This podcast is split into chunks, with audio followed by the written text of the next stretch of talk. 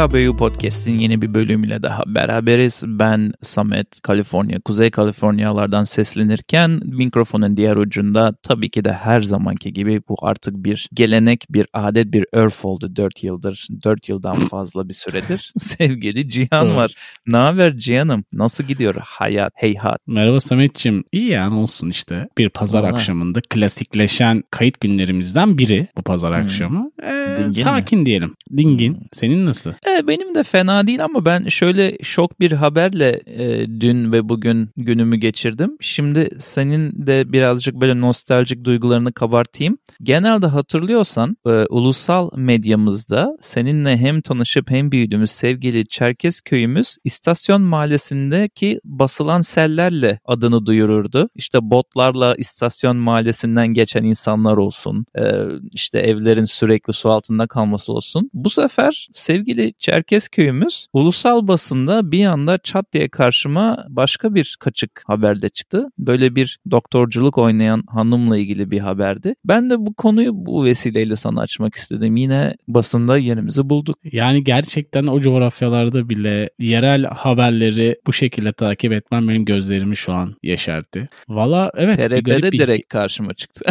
bir de TRT'de. Dünya, Ajansları Kupası alırken mi? arasında- Aynen. Dünya Kupası arasında direkt TRT'de Çerkezköy çıkınca afalladım. Ya şaşırtmaya devam ediyor bizi bu memleket ve psikolojilerin ne kadar garip olduğunu da bu vesileyle bir kez daha test etmiş oluyoruz. Bu arada şaka bir yana veya trajikomik bu konu bir yana yalanların silsilesi şeklinde bir bölüm de gelebilir. Çünkü hani bir yalan bir başka yalanı doğuruyor derken bu kar tanesi etkisiyle bambaşka yerlere gidebiliyor. Bunun bir sürü örnekleri e, burada Amerika'da da var biliyorsun. E, Silikon Vadisi'nde milyon dolarları toplayanlar mı dersin? Seçimleri bomboş vaatlerle yalanlarla kazananlar mı dersin? Böyle ilginç bir konu aslında bu da. Diyelim ve şimdi aslında bu ara ara yapmaya şansımızın olduğu ve sevdiğimiz bir bölüm konsepti. Çünkü e, patronlarımız biliyorsun var artık. Gırırla söyleyebilirim.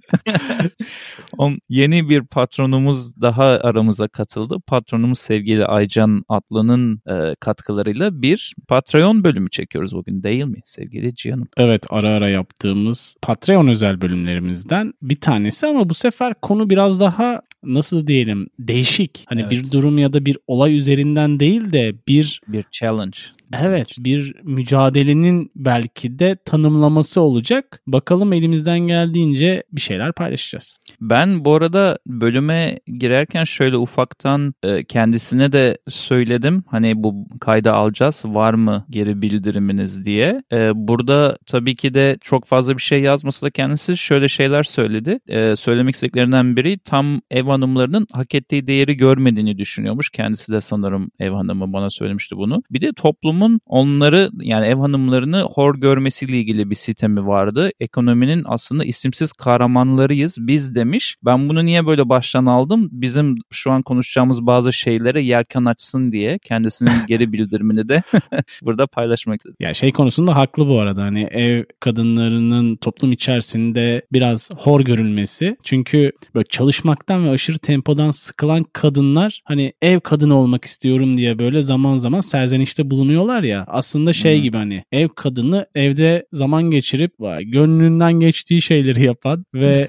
çok da takılmayan insanlar olarak belki de toplum içerisinde düşünülüyor ama gel gör ki durum aslında bambaşka ki bizim annelerimiz de temelde ev kadını olduğu için yıllardır aslında onun temposunu bir şekilde senle ben biliyoruz. Aynen aynen kesin biliyoruz. Yani biz yakından biliyoruz bunun zorluğunu ve temposunu. Bu arada beni şaşırtan bir istatistikle başlamak istiyorum sevgili dinleyen ve Cihan. TÜİK'in istatistiklerine göre Türkiye'de 14.7 milyon veya işte civarı ev hanımı var diye geçiyor. Bunların iş gücüne dahil olmayan 29 milyon kişinin %50'sini oluşturduğu düşünülüyor. Yani 30 milyon kişiden 15'i başka sebeplerden dolayı çalışmıyorken 15'i de ev hanımı olma vesilesiyle çalışmıyormuşlar. İşsizliğin %50'sini oluşturuyormuşlar. E tabi sonuçta işsizlik deyince böyle teknik bir şeye giriyor. Hani sanki iş yapmayan gibi. Zaten o hor görme olayı da orada bir problem. Hani e, maaşı olmayıp da en çok çalışan insanlar arasında sayabiliriz ev hanımlarını. E, burada tabii şöyle bir şey de var. İnsanların giderek daha çok buna katılma durumu bazen işsizlik işsizlikten dolayı da oluyor hazır konuşmuşken işsizliği. Ee, mesela bir ev hanımı olma kararı verenlerin sayısı bir ayda 145 binmiş Covid zamanında. Hani bunun da sebebi şey değil. Ya çalışmayı sevmiyorum birazcık da da evde oturayım değil. Hani bu iş yerlerinin kapanması, işçi çıkartması, ekonomi her şey kapandı iflas oldu biliyorsun. 145 bin kişi bir ayda ev hanımı olmaya neredeyse zorlanmış da olabiliyor bazen. Şimdi biraz önce şeyden bahsettik yani toplumdaki ev kadınına bakış, ev hanımına bakış algısıyla alakalı. Housekeeping Monthly dergisinin 1955'te yayınladığı iyi eş olma rehberi var. Bu rehberde şunlar yazıyor Savet. Bu Amerika'ya çekiyoruz biraz olayı. Kocanız Evet, eve geldiğinde sıcacık yemekler bulsun. O gelmeden görünüşünüzü düzeltin. Tüm gün sıkıcı bir iş yapan kocanıza karşı enerjik ve mutlu olun. Ona söyleyecek çok şeyiniz olabilir ama onun söyleyeceği şeyler sizinkinden çok daha önemlidir. Önce o konuşsun. Onu şikayetlerinizle boğmayın. Aldığı kararları sorgulamayın. Evin reisi o. En iyisini o bilir. İyi bir ev kadını yerini bilir. Eviniz huzurlu, düzenli ve dingin bir yer olsun. Kocanız fiziksel ve ruhsal anlamda yenilensin. Şimdi aslında geçmişten beri toplumda bir ataerkil olayı var. Hani toplum derken yani Türkiye'de tabii ki var ama Amerika'da da aslında bu yok mu diye sana böyle bir topa atayım. Ya o zamanlarda tabii ki de çok daha dominanttı. Şimdilerde biraz daha bu işte Me Too movement'lar, işte women right'lar, özellikle maaşlarla ilgili yapılan protestolar falan derken biraz daha dengeleniyor ama o zamanlarda baya baya yüksekti o. Hatta bu bahsettiğin bayağı ataerkil yaklaşımda şöyle bir ikiyüzlülük de var. Benim Amerika tarafına çektiğin için notlarım arasında var onu söyleyeyim. Savaşlar geldiği zaman, e, savaşlar çat diye kapısına geldiği zaman ülkelerin Amerika'da bunlardan biri. insanlarını, bütün erkeklerini savaşa yolladığında e, oradan açılan o iş istihdamına kadınları çekmek için propagandalara başlıyorlar. Posterler, TV'ler, şunlar bunlar. Yani evden, evde olmak zorunda değilsin. Sen de çalışabilirsin poster posterleri başlıyor. Bir yanda kadın daha önemli hale geliyor. Bu toplum ya da işte erkek tarafını yöneten toplum tarafından savaş zamanı 1900 işte 20'lerde 50'lerde 60'larda. Sonra bir yanda savaş bittiği zaman da e, kadının yerinin ev olduğuna dair posterler, propagandalar, TV'ler, reklamlar başlıyor. Hatta e, mutfak ürünlerinin tanıtımlarında böyle %500 artış oluyormuş. Hani şu ürünü al evde güzel yemekler yap falan diye. Kadını böyle mutfağa doğru itmeye çalışıyorlar fabrikalardan. Hani böyle çok bayağı şey okudum bölüm hazırlanırken. Mesela askerlere bot yetiştiremiyorlar savaş zamanı. Bütün kadınları Hı hı. fabrikalara doldurmuşlar bot fabrikalarına ve orada da senin okuduğuna benzer belgeler var mesela yayınlanan. Ee, fabrikanın yöneticileri süpervizörlerine belge yayınlıyor ve diyor ki bu kadınlar e, anlamaz çok mekanikten, makineden, üretimden. Sabırlı ol, onlara tek tek öğret, basit yaklaş falan gibi saçma böyle hani küçük gören yaklaşımlar var ve sonrasında da bu kadınların fabrikadan eve yönelmesi için de başka çalışmalar yapıyorlar. Yani böyle ikiyüzlülük var orada. Hani hem ataerkil bir yaklaşım var hem de ihtiyacı olduğunda bir anda hani eve gelen kocana e, işte o senin dediğin gibi yenileyici bir yaklaşımda bulunan boş ver evi şimdi de fabrikaya git çalış sana ihtiyacımız var dışarıdaya geliyor. Hani böyle bir ikiyüzlü yaklaşım gerçekten birazcık komik bir durum. Bu arada e, Merriam-Webster sözlüğüne göre housewife dediklerinin e, tanımı A woman whose work is inside the home doing cleaning, cooking etc. demiş. Baya böyle basit bir tanımı var ama birazcık etimolojiye girdiğin zaman 1300'lerden beri İngilizcenin içinde terminoloji olarak housewife geçiyormuş. Hatta housewife diye geçiyormuş. Husi de diyorlar ona İngilizce'de. Şurada ilginç bir durum ortaya çıkıyor. Husi aynı zamanda dikiş seti takımının da e, kelimesi olarak kullanılıyormuş. o da hani kadınlar tarafından kullanılır düşüncesiyle. Bütün bunların dışında bir başka hoşuma giden bir kelime var. Eski İngilizce'de kalan ve artık 19. yüzyıldan sonra e, yitip giden. Chatelaine diye bir kelime varmış. Bu da e, bu ev hanımlarının dekoratif olarak zincirler bağlıyormuşlar bellerine. Çünkü onun üzerine e, evin farklı yerlerinin anahtarları, işte bir tane saat, bir tane e, dikmelik iğneler falan bu tarz şeyler koymuşlar. Her an her yerde kullanılabilirler gibi. Adeta evine gelen tesisatçının kullandığı takım şeyi gibi, kayışı gibi bir şey takıyormuşlar. Onun adına chatelaine diyormuşlar. Bunlar da birazcık böyle etimoloji veya kelimeye dair bir şeydi. Ama son ekleyeyim kelimeyle ilgili. Şimdi housewife dediğin zaman kelimenin içinde wife var. Hani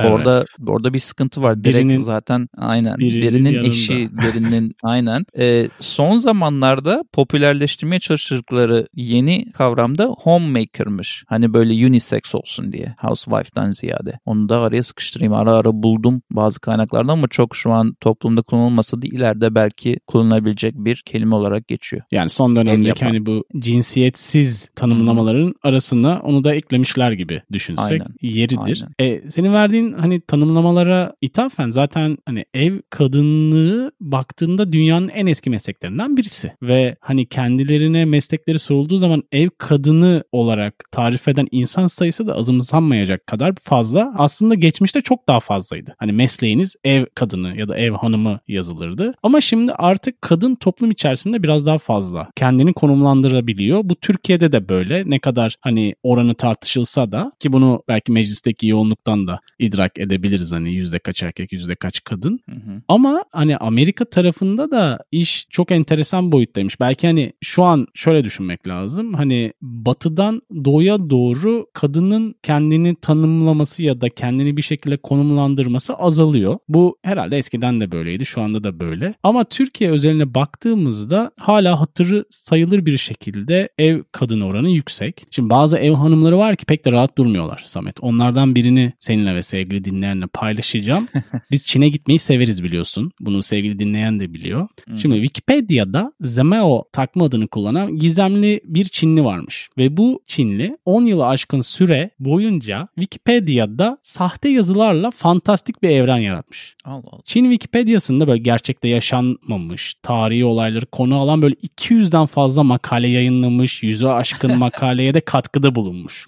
Yine yalanlara döndük. Evet evet ama yani çok ikonik bir örnek. Şimdi bu hanımefendi özellikle Rus tarihiyle ilgili tamamen uydurma böyle figürler, savaşlar hakkında milyonlarca girdi yapmış Wikipedia'ya. Çok ilginç. Hatta yani böyle şey. Ve ev hanımıymış. Madeni kesinlikle. Madeni paralar işte yemek kaplarına ait arkeolojik buluntular falan böyle bir sürü uydurma done de eklemiş. Ve hani şeyden falan bahsediyor böyle Slav halkları arasındaki rekabetlerden, Çin hanedanlığına dair uzanan hikayelerden falan bahsediyor. Bunu tesadüfen bir tane böyle fantastik roman yazarı falan ya demiş burada bir gariplik var çünkü şey olarak hani ne İngilizce içerikte ne Rusça'da böyle bir detaylar yok. Burada var. Konfirme konfirme edemiyor yani. Hayır edemiyor ve işin garibi şey hani söz konusu yazıların da güncel siyasi figürlerle de böyle benzeşme durumları varmış. Bunu bir şekilde fark edip irtibata geçtikten sonra ya baya şey direkt sonsuza kadar Wikipedia'dan atılıp işte halka açık bir özür mektubu da yayınlamış bu hanımefendi. Yani kadın yani ev kadını olan Zemao adlı kullanıcı yalan yalanı besledi diyerek ilk başta yazdığım yüz binlerce kelimeyi silmek istemedim ama sonunda milyonlarca kelimeyi silmek zorunda kaldım demiş. Yani üstelik akademik bir çevre de benim yüzümden dağılı demiş. Çünkü baya böyle bir sükse yaratmış. Kendisi lise mezunu bir ev hanımıymış yani. Çok da enteresan Çok bir hikaye olduğu ama için yarat- araya böyle ama alakasız da olsa sıkıştırasım geldi. evet evet.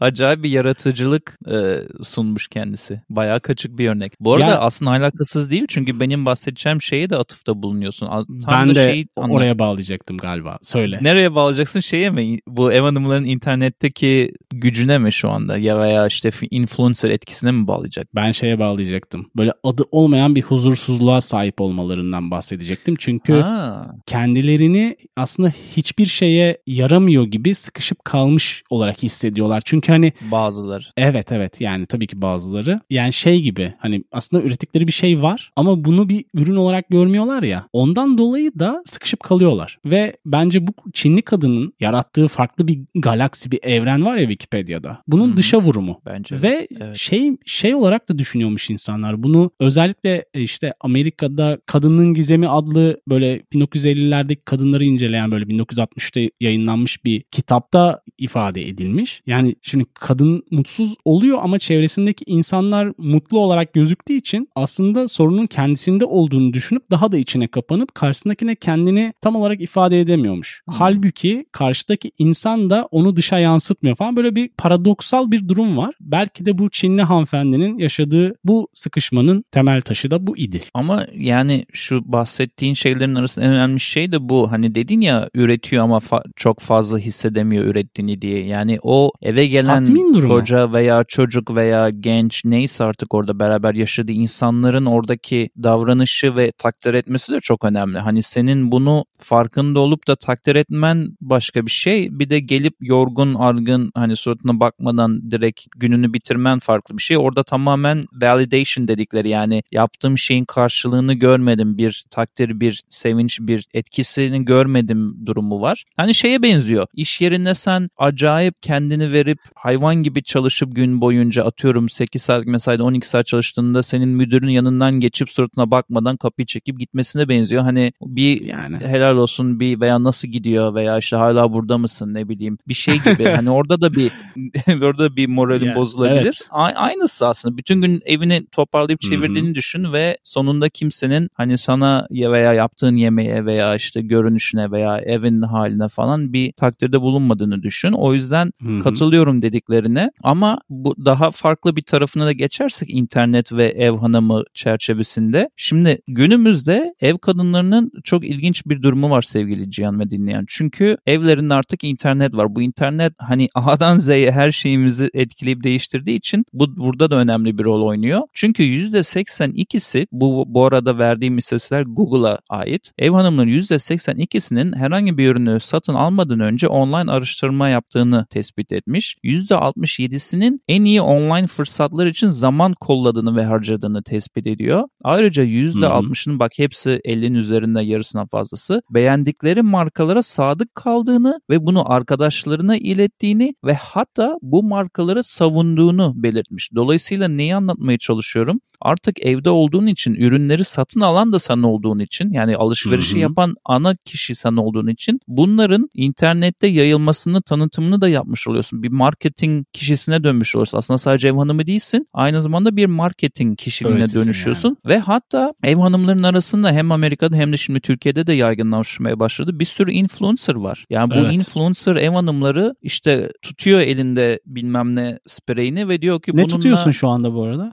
Ne bileyim örnek olsun diye böyle kaldırdım ama bu neymiş bu bakalım. Portakal ve vanilyalı asitli suymuş işte. Teşekkür Soda suyu. Evet ya ama bu güzel bir örnek olmadı. Yani atıyorum mesela mesela yeni bir süpürge aldın bayağı pahalı onunla evini süpürdün işte ne bileyim işte köpeğin kıllarını falan çok iyi çekti. Bunu post yaptığın zaman bir Hı-hı. influencer olarak milyonlarca kişiye ulaşabiliyorsun. Dolayısıyla bir ek gelir kapısı bir küçük bir şey de oluyor orada hani bir fırsat da oluyor. Bir anda internette de bir varoluş oluyor ev hanımı. Sadece kendi evinin, evinin içinde hapsolmuş değil aynı zamanda milyonlarca başka ev hanımıyla da bir şekilde etkileşime girmiş oluyor. Önemi de artıyor tabii böyle olunca. Yani o belki hani yüzde olarak çok düşük bir oranda olsa da dediğin şeyin geçerliği var dönemsel olarak teknolojiyle birlikte. Ya bilemiyorum nasıl evrilecek ev hanımlığının galaksisi ama bu biraz önce vermiş olduğun örnekte inşallah o öneren arkadaşlar decoy efekte çok maruz kalmadan gerçekten istedikleri ürünü seçerek ilerliyorlardır. Evet, evet bu arada bu az önce yani bölümün ortalarında sorduğun 1950'ler ataerkil e, Amerikan kültürüne bir atıfta bulunayım ya da bir ekleme yapayım. E, 1950'lerde 60'larda ortaya çıkan bir Women's Liberation Movement diye bir harekat var. Bir hareket veya işte bir e, oluşum var. Bu oluşumun hı hı. Wikipedia'nın kendi yazdığına göre affected great change throughout the world yani bütün dünyada kadınların sadece ev hanımlığı değil sosyal olarak bir her şeyin bir parçası olduğu çalışmak istiyorsa çalışabileceği işte ev hanımı olmak istiyorsa olabileceği şeklinde çok büyük bir çalışması ve protestoları reformları falan oldu ve ayrıca institutional sexism yani bu işte çalışma hayatındaki ataerkil duruma da bayağı bir baş kaldırılı olmuş. Sanırım demek istediğim şu bu 1950'lerde çok sert olan işte e, beyin eve geliyorsa yorulmuştur çok bıdı bıdı yapma onu o leyeli ayakla leyeli koy ayaklarını suyu. yıka. Bun, buradan aslında çok önemli bir geçiş oluyor 60-70'lerden sonra. Çünkü bu Women's Liberation Movement dedikleri olay bakabilir dinleyiciler bölümden sonra daha derinine girmek istiyorsalar. Hem freedom to choose a life as a housewife hem de full time worker hem de mix of both yani hem ev hanımı olma seçeneği hem full çalışma veya ikisini aynı anda yapma seçeneğine dair o kadar çok çalışma yapmışlar ki sonunda bütün dünya genelinde bir değişime veya özellikle western world batı dünyasında bir değişim değişime sebep olduklarını Wikipedia yazmış. Son bir de şey eklemek istiyorum. Hani bu kadar ev hanımlarına konuşup da 2004'te yayınlanan Desperate Housewives'a girmeden olmaz diye düşünüyorum sevgili Cihan. Ha. Çünkü Desperate Housewives e, ev hanımı kültüründe yine başka bir evreye yöneltti popülerleştirme anlamında Hollywood olarak. Yani sadece Amerika'da değil Türkiye'de de senle küçük CNBC kanalında küçük televizyon kutularımızda yayınlandığını hatırlıyorum o zamanlar. Bu Desperate Housewives'ta da şöyle bir şey oldu. Ev hanımı sadece ev hanımı değildir. Bakın entrikalara, işte aksiyonlara, heyecana falan şeklinde bir popülerleştirme görevi vardı. Çok da tuttu zaten. Şeyi hiç konuşmadık. Bilmiyorum bakma şansın oldu mu ama bir ev hanımı hani mesela diyelim e, yaptığı bütün işlerden dolayı bir ücret alsaydı evdeki işlerinden dolayı bu ne olurdu diye bir araştırma yapılmış. Burada tabii bir sürü ünvan verilmiş veya yaptığı işler sayılmış. Ee, işte finansal olarak evri çeviren, işte planlayıcı, aşçı, bütün bu mesleklerin bir, birbirine topluyorsun. İşte alışverişçi, hı hı. ne bileyim şoför, child care, çocuk bakıcısı. Bütün bunlar işte e, terzi, terzi, ne bileyim çamaşır, bütün hepsini bir araya koymuşlar. Hatta comforter var altında. Hani senin bahsettiğin hani eve gelen stresli adamı yatıştırma görevini de eklemişler comforter altında. Bütün bunları koyduğunda yaklaşık yıllık olarak 170 bu 2019 araştırması 178 bin dolar yıllık kazanması gerekirdi. Bunların hepsi ayrı ayrı meslek olup aynı saatleri dakikaları e, harcasaydı demişler. O zamanda da ortalama bir kişinin gelirinin 3 katı fazlaymış. Yani uzun lafın kısası bu araştırmada şey diyor. Adam gibi davranın ev hanımlarına 3 kişinin işini bir kişi yapıyor diyor.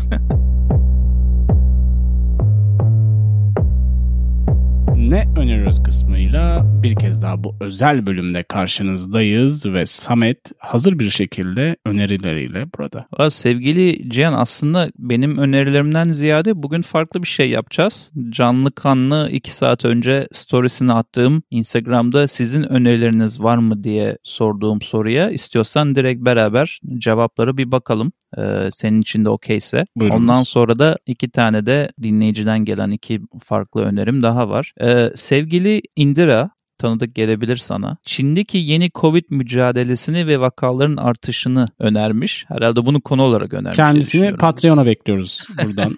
Salona sevgiler.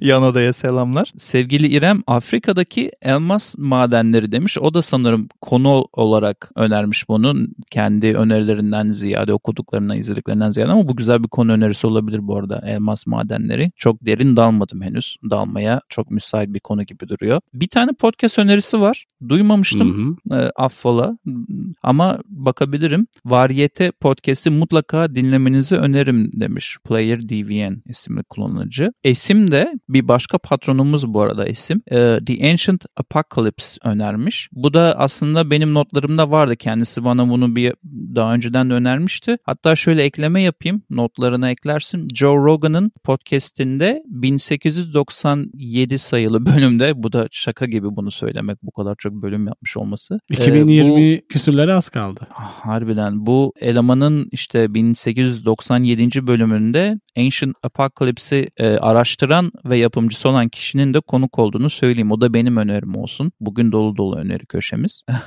e, bir dinleyicimiz de şakayla karışık HKBO dinlencesi demiş. Onun da üzerinde zaten her bölüm çalışıyoruz ve öneriyoruz. Bunlar sevgili e, takipçilerimizden gelenlerdi. Benim de ha bu arada bu bölüme vesile olan Aycan sevgili Aycan'ın da The Crown önerisi var. The Crown'u da niye önermiş biliyor musun sevgili Cihan? Seninle yaptığımız Muazzam Duman bölümünde e, orada The Crown'un evet. evet orada geçiyormuş. Ben izlemedim. Hı-hı. Orada onu bir bize bahsetti onu. Onu da araya sıkıştırayım. Doğru. Uzun oldu ama bütün bunların sonucunda da hemen kendi iki şarkımı gelenek bozulmasın diye HKB gelenek HKB'yu aynen dinlencesini ekleyelim. Ee, birincisi Cream grubundan Sunshine of Your Love, diğeri de The Animals'dan House of the Rising Sun şarkısı. Bunları da ekledikten sonra bu kadar çok dinlenilecek, izlenecek şeylerin arasında biraz da lafı sana verelim. Hepsi de benden olmasın. Wow, teşekkürler Samet'ciğim. Ağzına sağlık. Bende iki şarkı bir dizi var. Hatta bir tane daha var yeni başladım. Onu biraz daha izleyip önermeyi hmm. düşünüyorum. Bir tanesi değerlendirmede. Şarkılardan bir tanesi Katatonya'nın Atrium şarkısı. Taze taze böyle iç ısındırıcı nostaljik öğeler içeren. Diğerini de bölümle böyle hadi Türkçe şarkı olsun deyip eklediğim ve çok sevdiğim Mavi Işıklar grubundan eskilerden Aşk Çiçeği. Bunlar HKB dinlencesi playlistimizde olacak sevgili dinleyen Deezer, Spotify ve YouTube.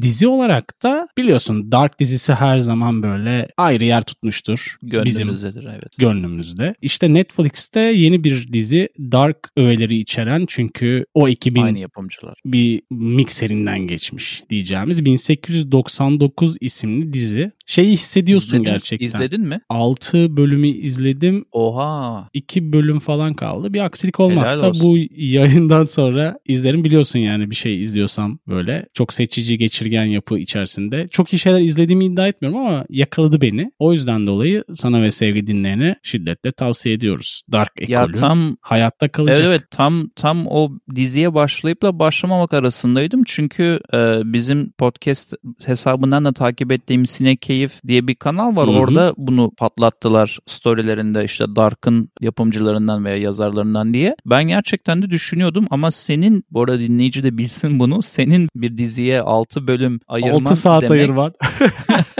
Yani sen şeysin benim gözümde. e, yürüyen IMDB'sin. Hani bu notlarında Ya, Çok kısır Çok sağ ol. veya Teşekkür kısır ederim. not veren hoca. Hani böyle bir 80 sayfa yazarsın sınavda da hoca der ya ya 39 vereyim bu çocuğa. O hocanın O puanı birazcık film versiyonu. Ya Aynen. açıkçası şeyi hissediyorsun şimdi hani çok derin bu arada ben 5. bölümden sonra Dark e, direkt organik bir bağ olduğunu fark ettim. Hmm. Dizi beni aldı. Hani Dark'ta Dark'ı nasıl izlemeye başladıysam öyle izledim. Sonra ulan o kadar şey benziyor ki hava hani şey hı. tamamen farklı hani senaryo Atmosfer. içerik vesaire ama atmosfer bir de başroldeki oyunculardan bir tanesi Dark'ta da vardı. Hmm. Aa falan derken 5.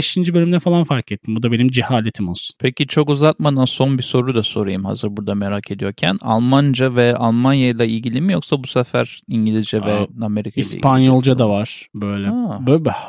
Dil geçişleri inanılmaz garip yani. Her yerden Hani bir dokunuş Türkçe var. altyazı yapmıyorsan bir anda kendini İspanyolcadan Portekizce'ye böyle değişik diller hani çünkü şey Anladım. oyuncu grubu çok international hani uluslararası. Hani Polonyalısı da Evet. var, İspanyolu Hmm. da var, Amerikalısı, İngilizi, Almanı böyle şey. Hani gerçekten Nuh'un gemisi. Tamam beni ikna ettin bakacağım.